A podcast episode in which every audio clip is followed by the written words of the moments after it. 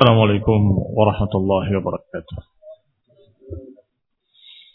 إن الحمد لله نحمده ونستعينه ونستغفره ونعوذ بالله من شرور أنفسنا ومن سيئات أعمالنا من يهده الله فلا مضل له ومن يضلل فلا هادي له وأشهد أن لا إله إلا الله وحده لا شريك له وأشهد أن محمدا عبده ورسوله صلى الله عليه وعلى آله وأصحابه والتابعين وتابع التابعين ومن تبعهم بإحسان إلى يوم الدين.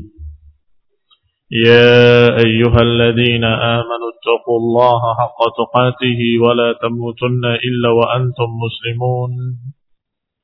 يا أيها الناس اتقوا ربكم الذي خلقكم من نفس واحدة وخلق منها زوجها وبث منهما رجالا كثيرا ونساء واتقوا الله الذي تساءلون به والأرحام إن الله كان عليكم رقيبا يا أيها الذين آمنوا اتقوا الله وقولوا قولا سديدا. يصلح لكم أعمالكم ويكفر لكم ذنوبكم. ومن يطع الله ورسوله فقد فاز فوزا عظيما. أما بعد فإن خير الحديث كتاب الله وخير الهدي هدي محمد صلى الله عليه وعلى آله وسلم. وشر الأمور محدثاتها فإن كل محدثة بدعة وكل بدعة ضلالة وكل ضلالة في النار. إخواني في الدين أعزكم الله. قوم مسلمين يا صحر المتي masih kita membahas ucapan Al-Musannif wa huwa Abu Ja'far At-Tahawi tentang penafian. Sifat arkan wal a'dha wal adwat bagi Allah Subhanahu wa taala. Ini ucapan beliau wa ta'ala 'anil hududi wal ghayati wal arkani wal a'dha'i wal adwati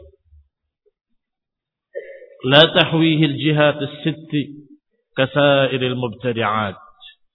Bahwa Allah Subhanahu wa taala Maha tinggi, Maha suci. Tidak mungkin dibatasi dengan batas-batas tidak mungkin memiliki anggota-anggota badan, tidak, mung tidak mungkin memiliki demikian atau jisim. Dan seterusnya dan seterusnya.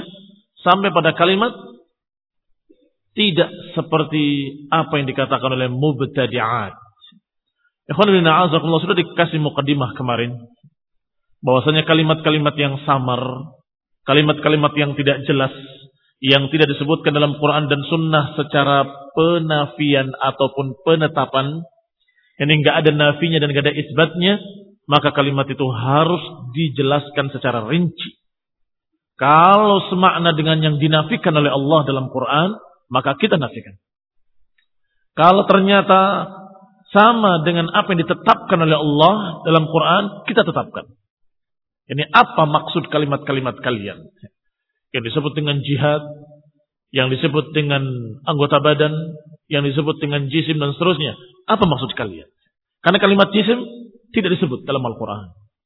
Tidak disebut secara penetapan, nggak disebut pula secara penafian. Maka apa maksud kalian dengan jisim? Kalau maknanya Allah tidak punya tangan, maka kita bantah. Karena Allah menyebutkan dalam Al-Quran, Yad, Yadullah fauqa aidihim.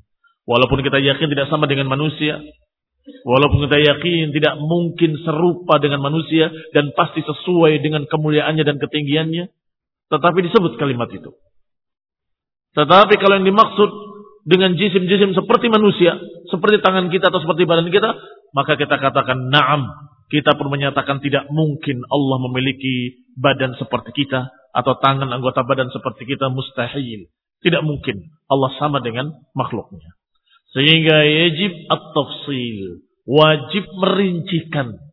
Supaya jelas masuk ke mana. Masuk yang ditetapkan oleh Allah dalam Quran dan Sunnah. Atau masuk ke dalam apa yang dinafikan dalam Quran dan Sunnah. Kita lanjutkan ucapan Al-Syeikh Al-Syarih wa huwa Ibn Abdul Aziz Al-Hanafi rahimahullah. Wa Syekh rahimahullah arada rad bihadzal kalam 'ala al-musyabbihah. Perhatikan.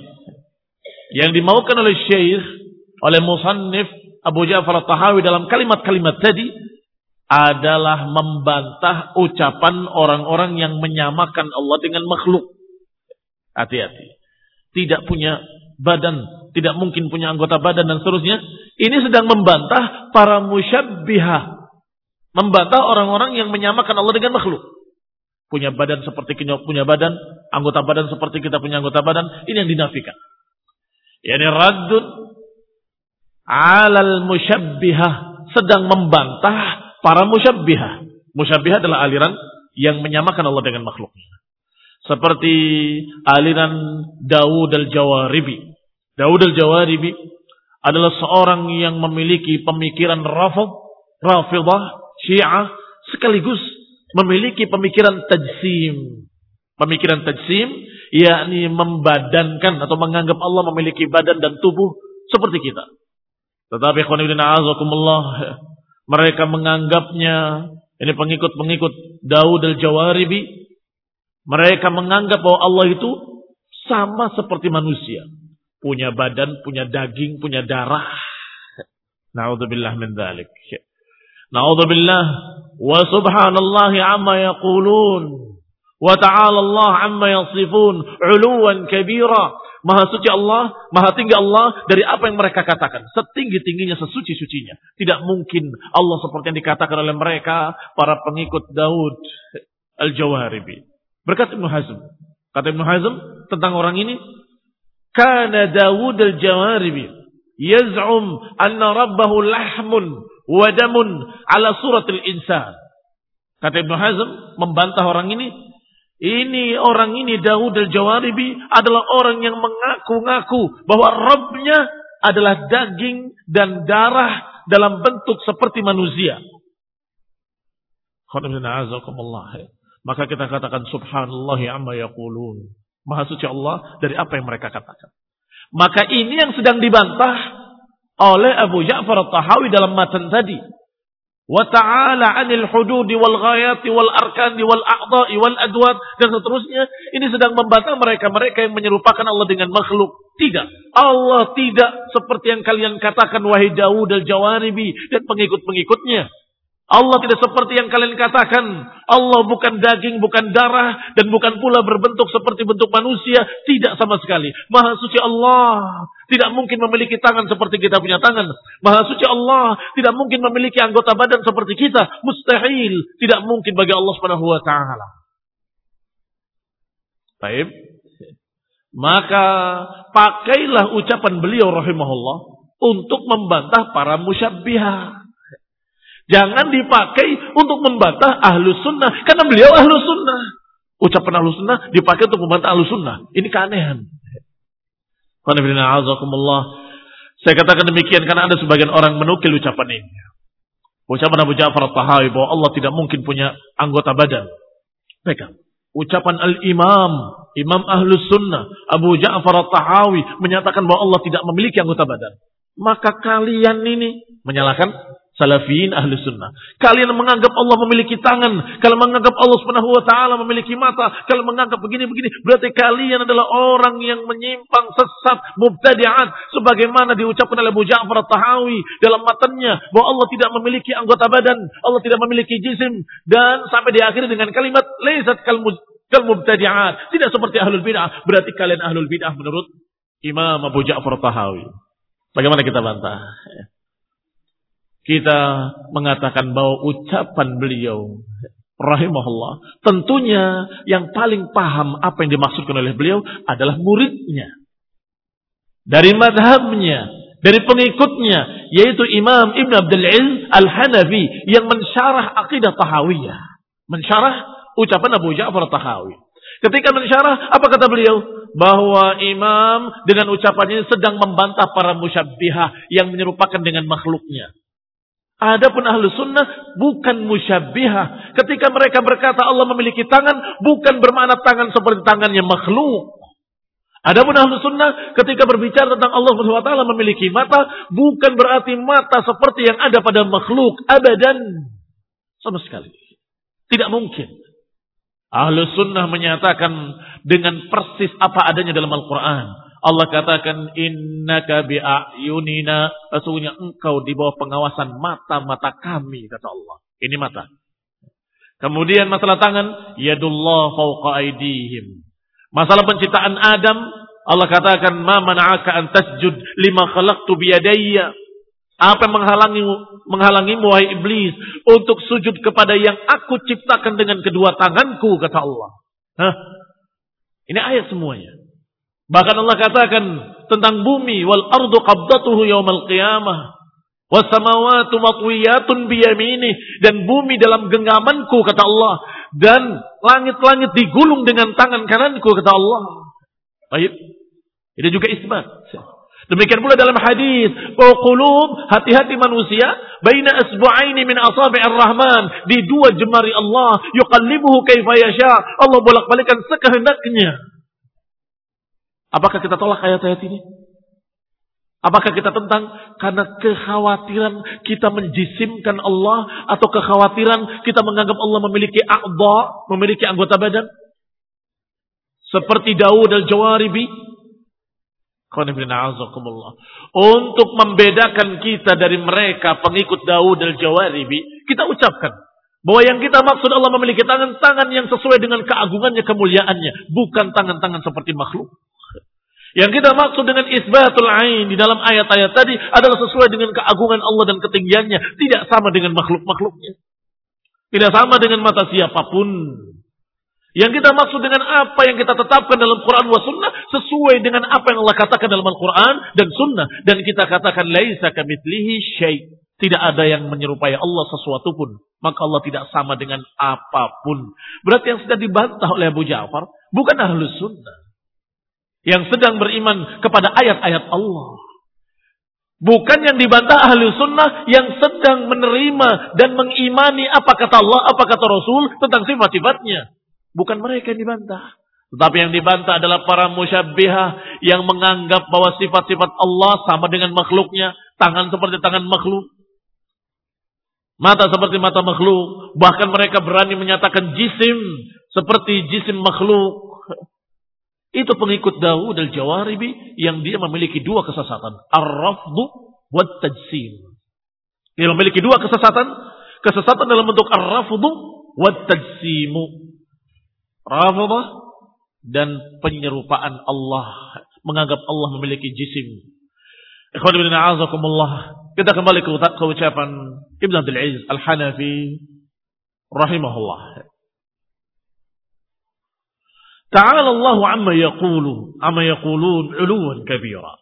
Maka kita ucapkan maha suci Allah, maha tinggi Allah dari apa yang mereka katakan setinggi-tingginya.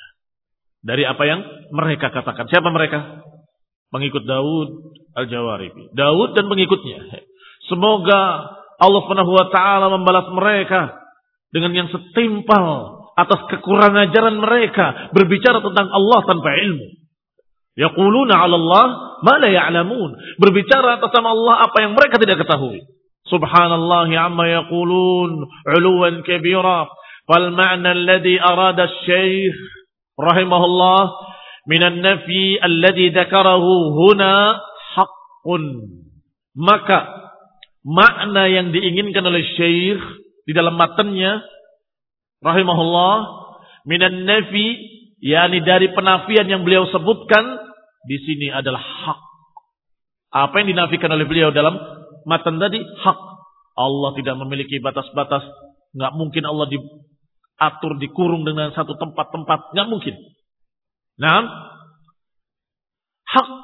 Lakin hadasa ba'dahu man adkhala fi umumina fihi haqqan wa batila.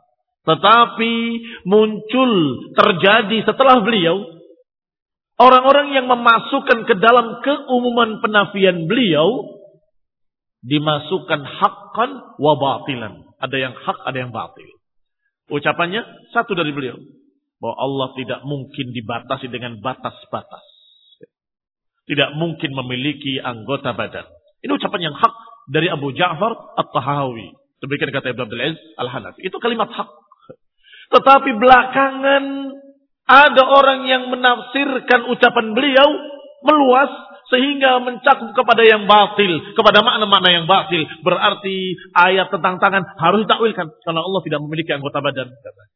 Berarti ayat bahwa Allah di atas arus harus dinafikan, harus ditakwilkan karena kata Abu Ja'far Tahawi, Allah tidak dibatasi dengan batasan-batasan.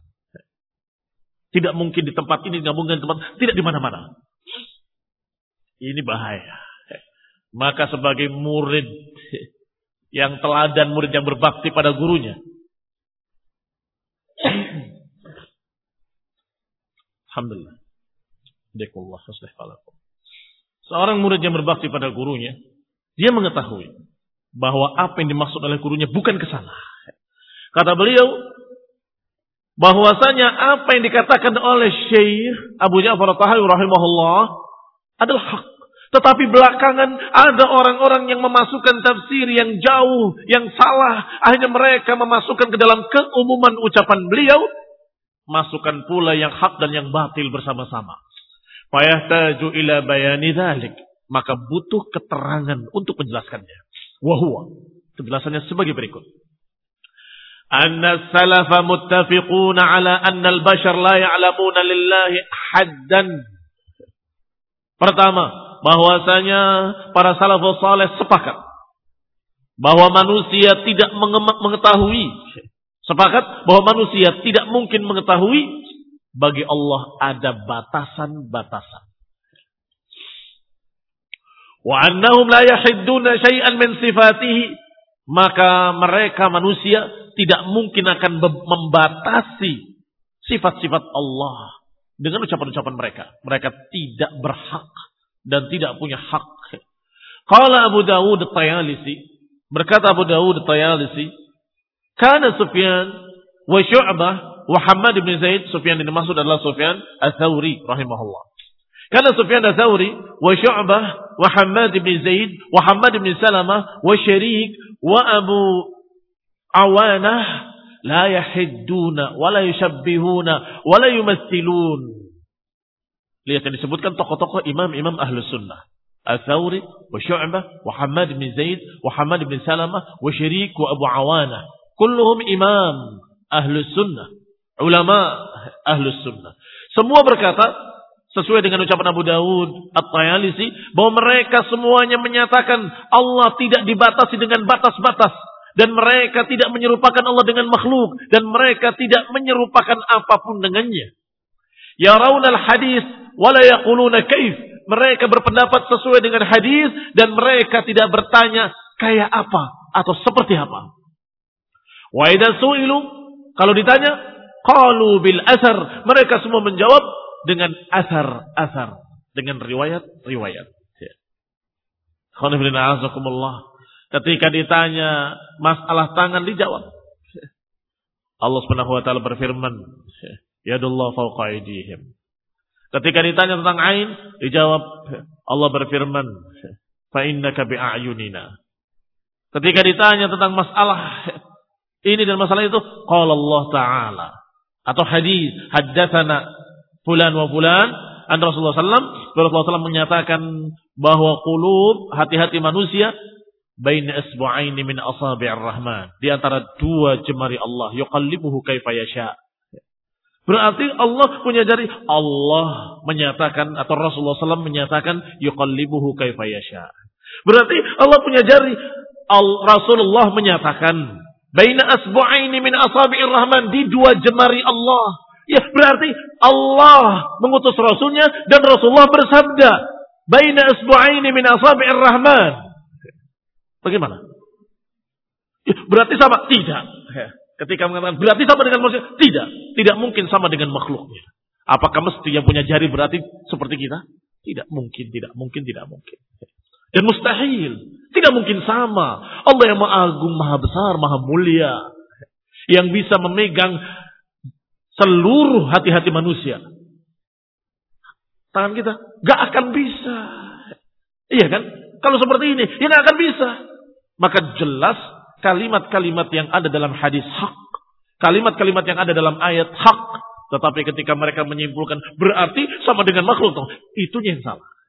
Tafsiranmu yang salah. Sehingga imam-imam ahlu sunnah disebutkan oleh Abu Dawud Tayalisi bahwa mereka semuanya berkata dengan sepakat muttafiqun mereka semuanya sepakat bahwasanya manusia ini ahlu sunnah para kaum muslimin tidak boleh membatasi Allah dengan batas-batas dan tidak menyerupakan dengan makhluk dan tidak menyamakan kalau mereka ditanya mereka menjawab dengan hadis dan mereka tidak berkata kaifa.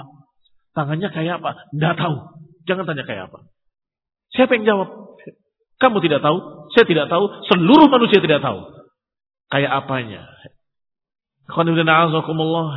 Kalau semua tidak tahu dan Allah tidak memberitahu, Allah tidak menurunkan ayatnya tentang kaifiyah, Nabi juga tidak berbicara tentang Allah tentang kaifiyah, sifatnya, maka jangan kita lancang mempertanyakannya, memikir-mikirkannya, kayak apa ya? Mungkin tangannya begini, mungkin tangannya begini. Jangan.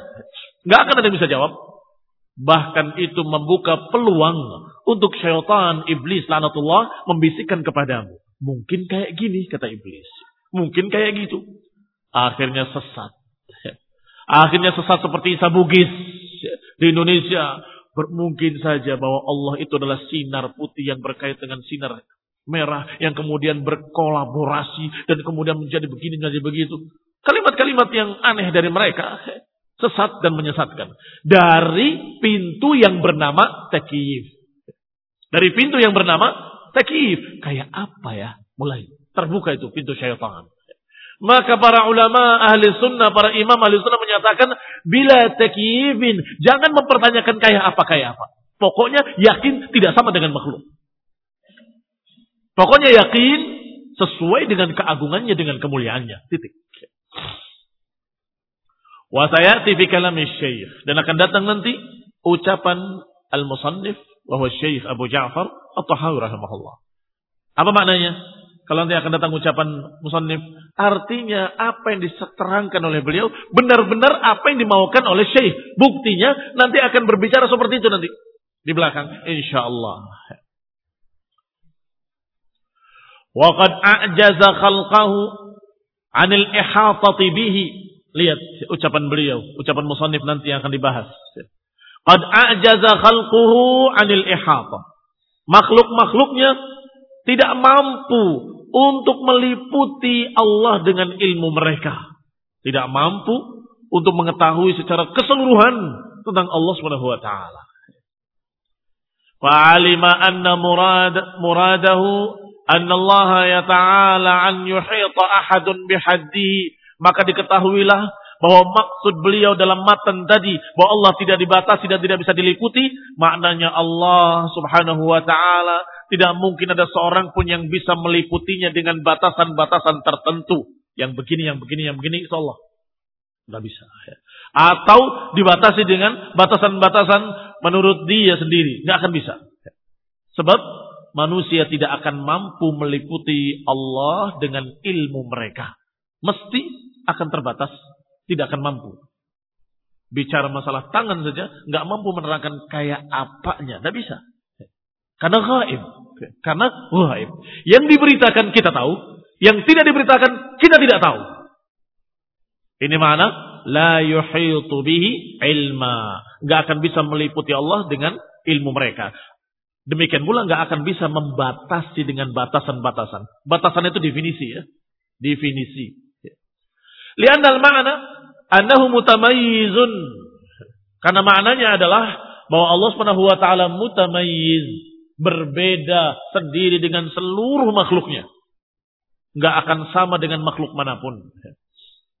Mutamayyizun an khalqihi. Bahwa Allah Subhanahu wa taala berbeda dari makhluk-makhluknya munfasilun anhum dan terpisah dari mereka dari makhluk-makhluknya.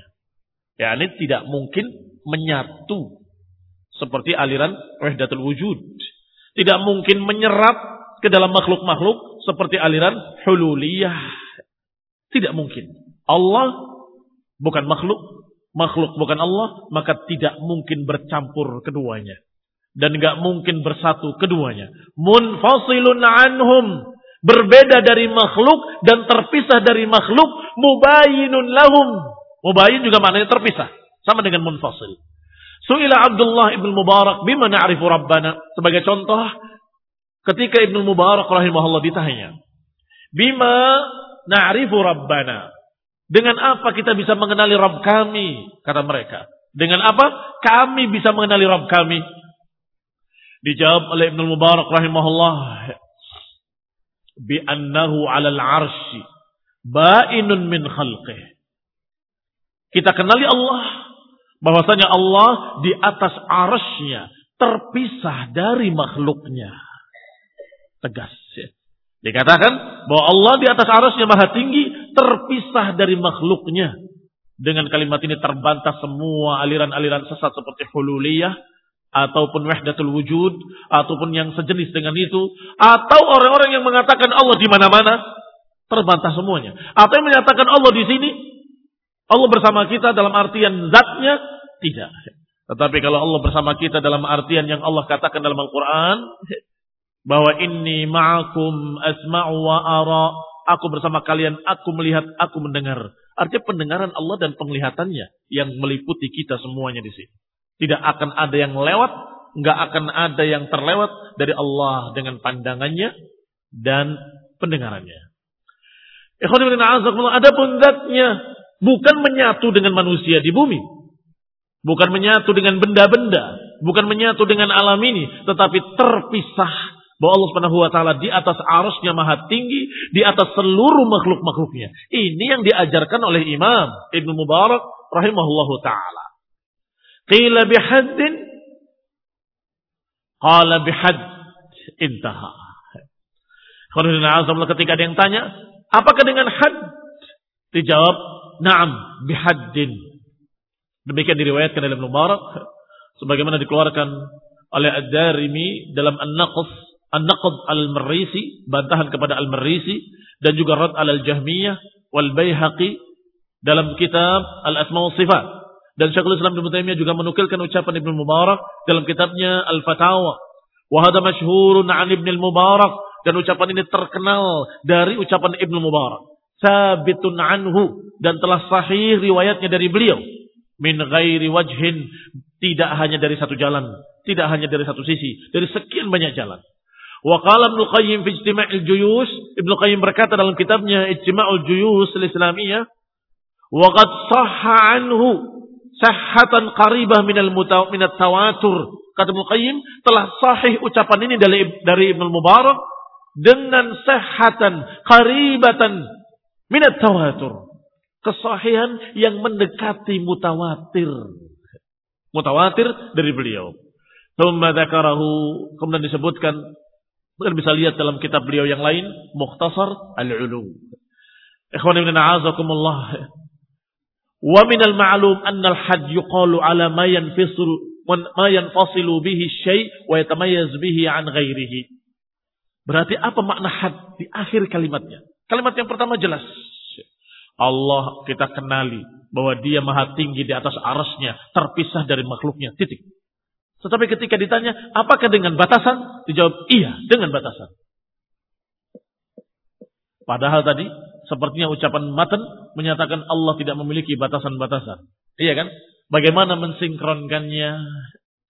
Qala berkat asy-syarih wa huwa Ibnu Abdul Aziz Al-Hanafi wa min al-ma'lumi anna al-hajj yuqalu ala ma yanfasilu bihi dan sudah diketahui bersama bahwa kalimat al-hajj yang artinya batasan itu dipakai pada makna lain yaitu pada perkara yang terpisah.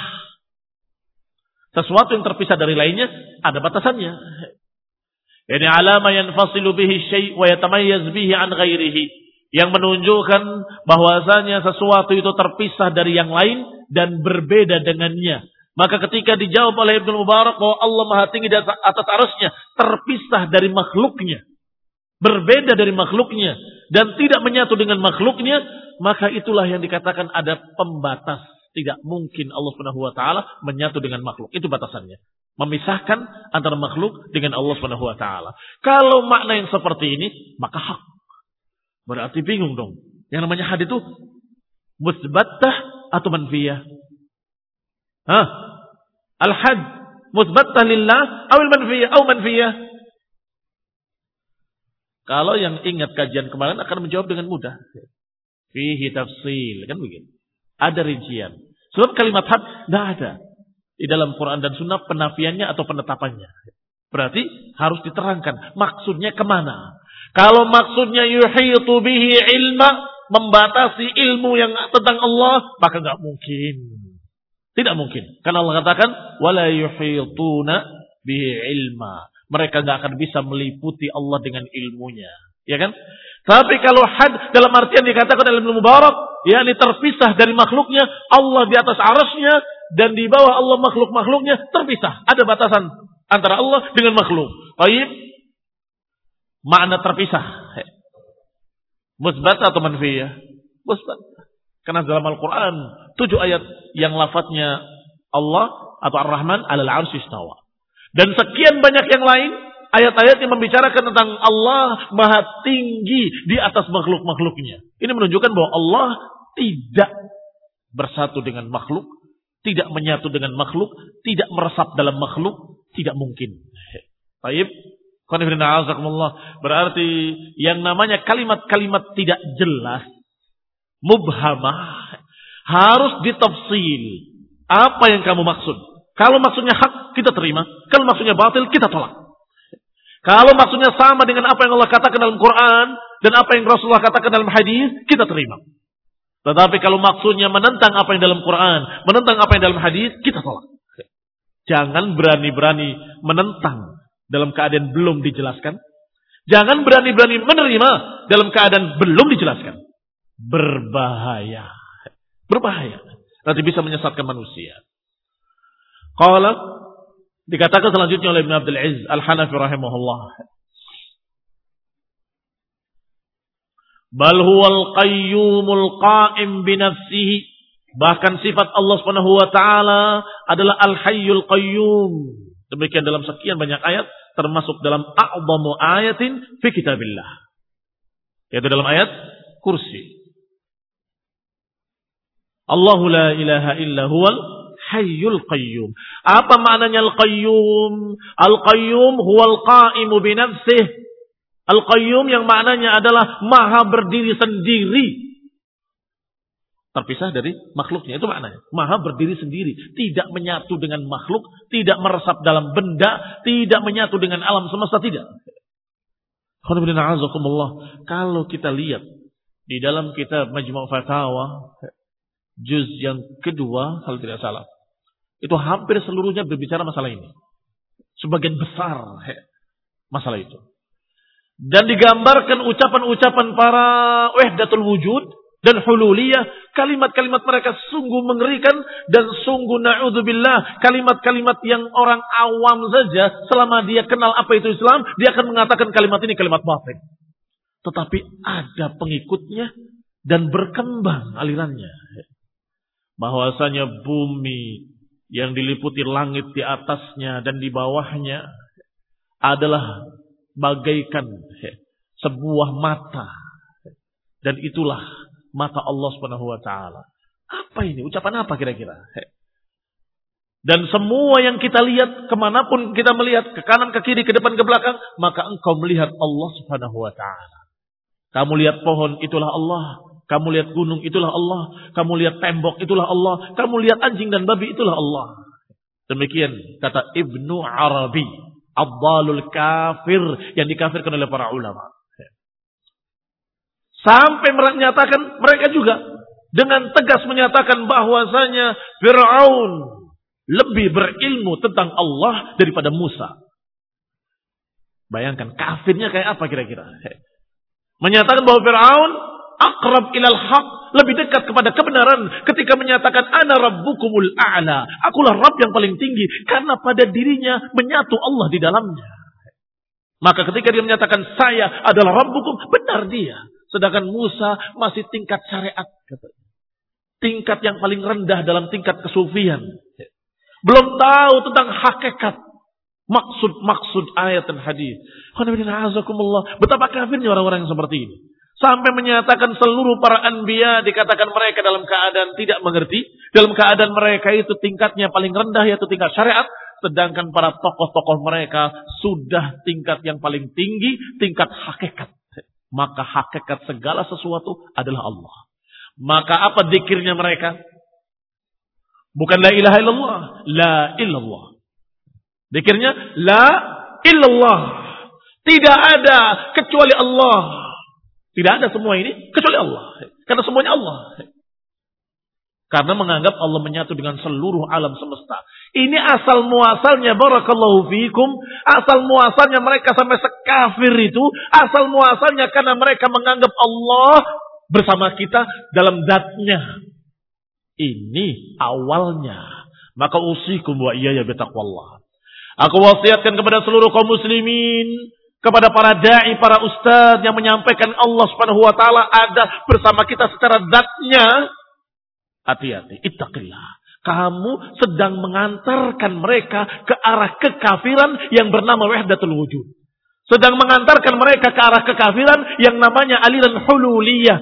Telah sedang mengantarkan mereka ke jalannya Ibnu Arabi yang menyatakan dalam syairnya tidaklah anjing dan babi kecuali Tuhan kami dan tidaklah Tuhan kami kecuali pendeta di gerejanya. Ini ucapan dia dalam syairnya. Ucapan Ibnu Arabi. Sampai-sampai Syekhul Islam Ibnu Taimiyah dalam Majmu' Fatawa tadi menyatakan akfar sekafir-kafir orang kafir adalah mereka. Sekafir-kafir orang kafir. Kalau kamu melihat betapa syiriknya atau betapa kafirnya Yahudi yang menatakan Uzair sebagai Tuhan. Betapa kafirnya Nasrani menyatakan Isa sebagai Tuhan. Betapa kafirnya musyrikin menyatakan Lata, Uzza dan Manat sebagai Tuhan. Sekarang bandingkan dengan mereka yang menyatakan seluruh alam ini Tuhan. Mana yang lebih kafir? Anjing dan babi Tuhan, pohon Tuhan, ini Tuhan, semua Tuhan. Semua dikatakan Allah. Dan mereka yang sudah mencapai tingkat setinggi ini, kata mereka, pada tingkat yang paling kafir, dianggap tingkat yang paling tinggi, tingkat hakikat, tidak mengapa. Bagi mereka untuk berkata di mimbarnya dengan terang-terangan, aku adalah Rob kalian. Nah, mengapa? Karena dia sudah menyatu Allah pada dirinya, katanya. Sehingga Dajjal, kadzab di Yaman sana, berani dalam khutbahnya berbicara di mimbar menyatakan ada akhlukul ars. Aku yang menciptakan ars dan aku pula yang mengangkat Isa ke langit dan aku pula yang menyatukan ini dan itu sampai seperti Tuhan terang-terangan. Sedangkan hadirin yang jumlahnya sekian banyak bukan menyalahkan. Mengucapkan selamat-selamat dalam bahasa mereka break-break atau mabruk. Selamat-selamat. Apa maknanya? Ucapan selamat. Karena berarti tokohnya ini sudah mencapai tingkat tertinggi wahdatul wujud, maka yang diucapkannya adalah ucapan Allah Subhanahu wa taala dan dia sudah menyatu dengan Allah, maka pantas dia menyatakan ana akhlukul ars. Jadi orang yang sudah kafir dikatakan orang yang sudah paling tinggi derajatnya. Mudah-mudahan di kalangan kita nggak ada yang sekafir itu kan. Tetapi yang kita peringatkan yang mengantarkan mereka sampai sekafir itu siapa? Dan dengan subhat apa? Kira-kira siapa? Sufia. Dengan subhat apa? Subhatnya adalah bahwa Allah di mana-mana atau Allah bersama kita secara zatnya. Kalau Allah sunnah menyatakan Allah bersama kita, bermakna Allah Subhanahu wa taala di pihak kita. Sebagaimana Allah menyatakan ini ma'akum asma'u wa ara. Wahai Musa dan Harun. Ini ma'akuma asma'u wa ara. Jangan khawatir. Aku bersama kamu berdua. Aku mendengar, aku melihat. Dalam semua tafsir ahlu sunnah menyatakan bahwa maknanya Allah membela Musa dan Harun. Allah di pihak Musa. Jangan takut, aku di pihakmu. Itu maknanya. Bukan berarti zat Allah menyatu dengan manusia. Tidak mungkin. Sama sekali. Tidak mungkin menyatu dengan alam semesta. Allah bayinun min khalqih. Terpisah dari makhluknya. Ini ucapan Ibnu Mubarak. Mutawatir dari beliau. Kembali kepada ucapan pensyarah yaitu Ibn Abdul Aziz Al-Hanafi rahimahullah.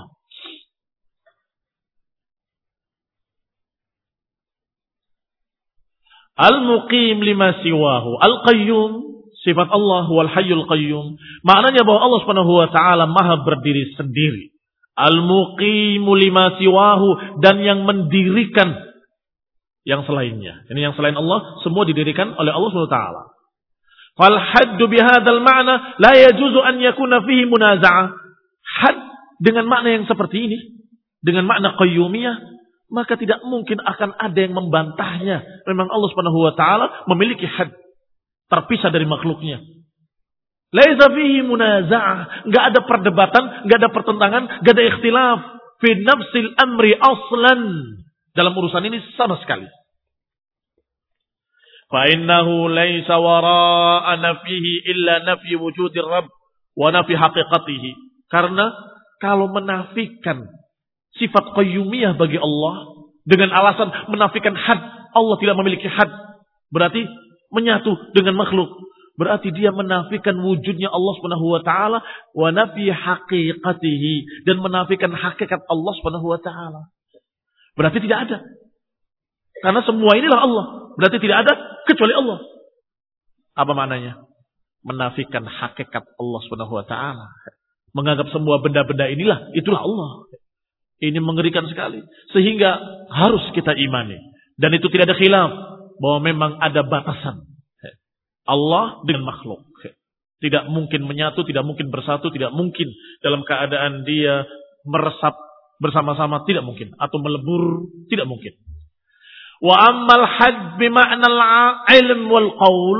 Adapun had dengan makna ilmu, batasan membatasi Allah secara ilmu atau al-qaul wa huwa an yuhiddal ibad fahadha muntafin bila munaza'ah baina ahli sunnah membatasi Allah Subhanahu wa taala dengan ilmu atau membatasi Allah dengan satu definisi, satu kalimat saja bahwa Allah begini, selesai. Fahadha muntafin bila munaza'ah, maka ini ditiadakan tanpa ada perselisihan. La khilaf. Enggak ada perbedaan, enggak ada pertentangan, semua sepakat bahwasanya yang seperti itu tidak mungkin bagi Allah Subhanahu wa taala. Karena la yuhituna bihi ilma. Karena Allah tidak mungkin diliputi oleh ilmu-ilmu manusia. Qala Abdul Qasim Al-Qushairi, berkata Abdul Qasim Al-Qushairi.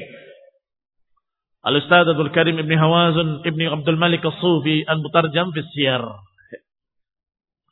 Berkata dalam risalahnya, Sami'tu Syekh Abu Abdurrahman As-Sulami Sami'tu Aba Mansur ibni Abdullah, sami'tu Abul Hasan Al-Anbari, sami'tu Sahal ibni Abdullah At-Tisturi.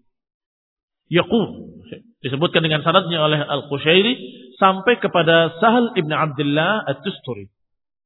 Yaqul dia berkata, "Wa qad su'ila an dzatillah" ketika ditanya tentang zat Allah Subhanahu wa taala. Faqal beliau menjawab, "Dzatullahi mausufatun bil ilmi."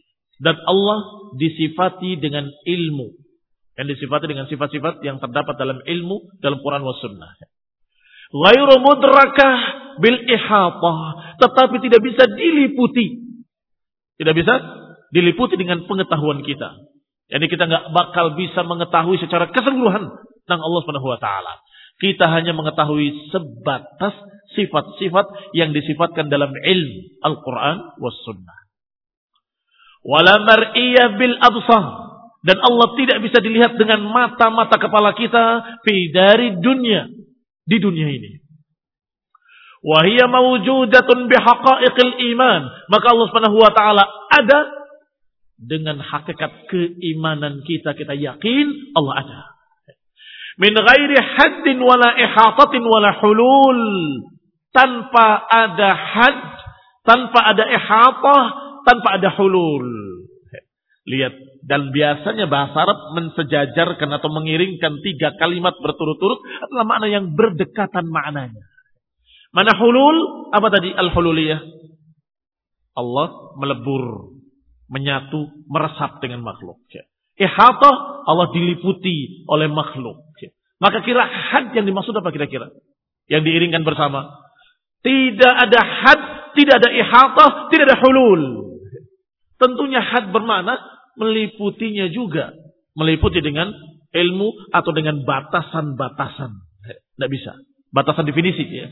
Definisi seperti ini. Tidak bisa. Harus semua yang disebutkan dalam Quran dan Sunnah dan kita katakan itu yang kita ketahui. Gitu. Kenapa harus dibatasi seperti itu? Karena masih banyak tentang Allah yang kita tidak ketahui dan tidak diberitahu. Sebagai contoh, Rasulullah SAW ketika Yomul Qiyamah diceritakan oleh beliau akan memberikan syafaat. Beliau sujud kepada Allah Taala. Berdoa memuji Allah dengan sanjungan-sanjungan yang tidak pernah diucapkan di dunia dan baru diilhamkan ketika itu. Apa maknanya? Maknanya masih ada pujian-pujian Allah yang belum belum disebutkan oleh Allah, belum diajarkan di dunia. Nabi pun belum diberitahu. Sampai ketika Yomul Qiyamah baru diberitahu. Maka saat itu Rasulullah SAW memuji dengan pujian tersebut. Yang belum diketahuinya sebelumnya. Baru diilhamkan saat itu oleh Allah Subhanahu wa taala. Itu satu dalil. Dalil lainnya adalah doa yang ma'ruf. Ya.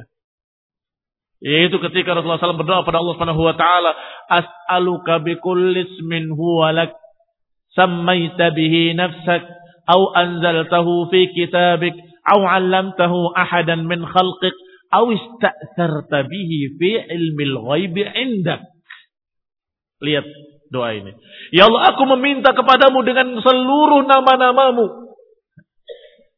Bikulis min huwalak. Yang engkau namakan dirimu dengannya. Atau kau turunkan dalam kitabmu. Atau kau ajarkan pada salah seorang dari rasulmu. Atau ilmu tentang namamu yang istasar tabihi fi ilmil ghaibi indak. Yang kau simpan sendiri di dalam ilmu gaibmu. Yang terakhir ini sebagai dalil bahwa ada nama-nama Allah, sifat-sifat Allah yang masih belum diterangkan kepada kita. Berarti mungkinkah kita mendefinisikan dengan ucapan kita tentang Allah? Tidak mungkin bisa. Apa yang kamu katakan masih kurang. Ini yang dinafikan.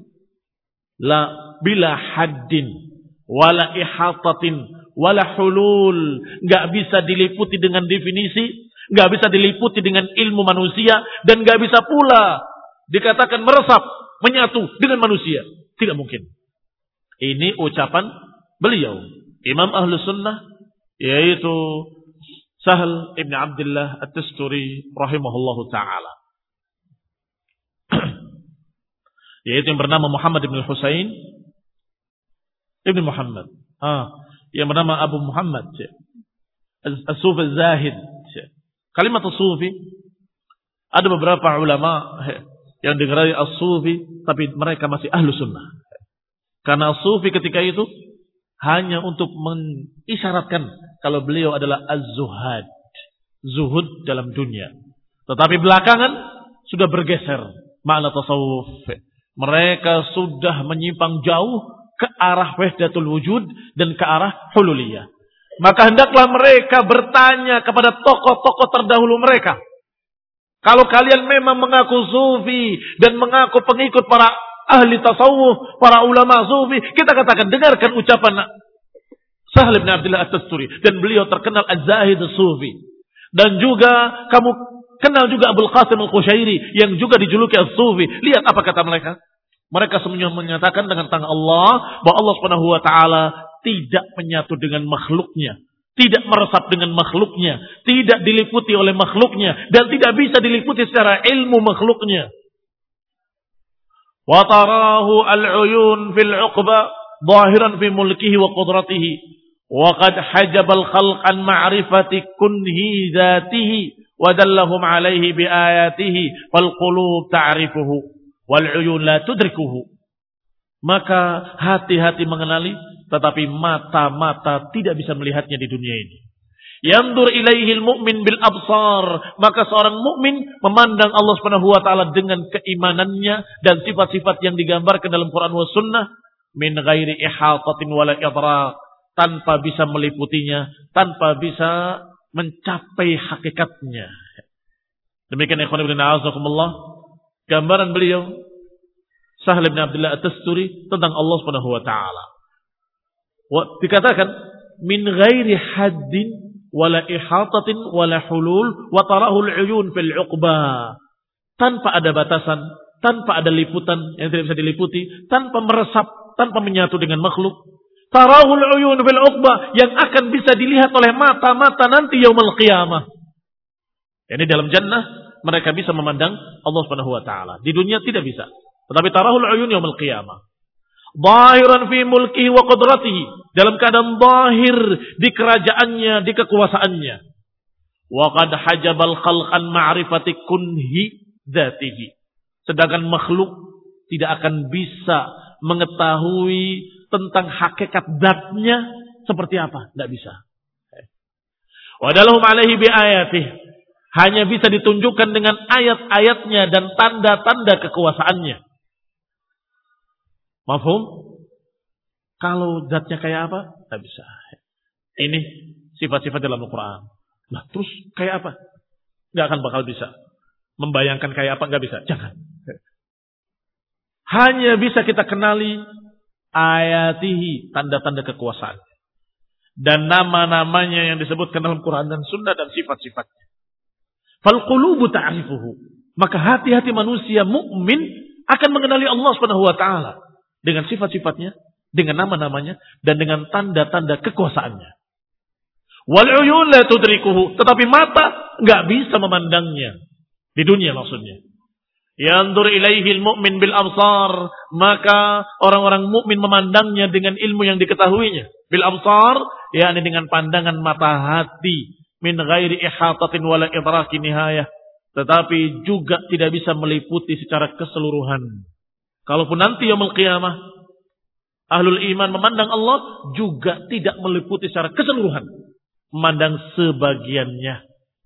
Karena tidak mampu mata-mata makhluk meliputi seluruh zat Allah Subhanahu wa taala. Mafhum. Ini khonirina kaum muslimin yang. Yang berkaitan dengan pembahasan kita adalah penafian beliau terhadap ihatah. Penafian Salim ibn Abdullah Tasturi dari sifat hulul. Tidak mungkin Allah meresap, menyatu, melebur dengan makhluk. Dan dari sifat had. Berarti kalimat had dinafikan oleh para ulama ahli sunnah dan diisbatkan pula oleh para ulama ahlu sunnah. Kenapa demikian? Karena had memiliki dua makna. Bahkan bisa lebih. Ada makna hak, ada makna batil. Kalau makna hak ditetapkan. Makna batil ditolak. Mana makna yang hak? Mana yang hak yang diucapkan oleh yang diucapkan oleh Ibnul Mubarak rahimahullah. Wa Allah Subhanahu wa taala bihad. Terpisah dari makhluknya dengan batasan. Tidak mungkin satu dengan makhluknya. Ada batasan yang memisahkan antara Allah dengan makhluknya. Ini hak. Tetapi kalau dinafikan, seperti dinafikan oleh Abu Ja'far al-Tahawi, bahwa Allah subhanahu wa ta'ala maha suci anil hudud. Lihat dalam matanya. Ta'ala anil hudud, maha suci dari hudud, maka di sini had yang dinafikan adalah had dalam artian ihapah meliputinya dengan ilmu atau meliputi dengan pandangan atau meliputi dengan definisi-definisi. Nggak akan cukup. Nggak akan bisa. Nasallahu taufiqul hidayah. Wa nasallahu ta'ala ayahdiyana wa yahdil muslimina ila sawa'is sabil.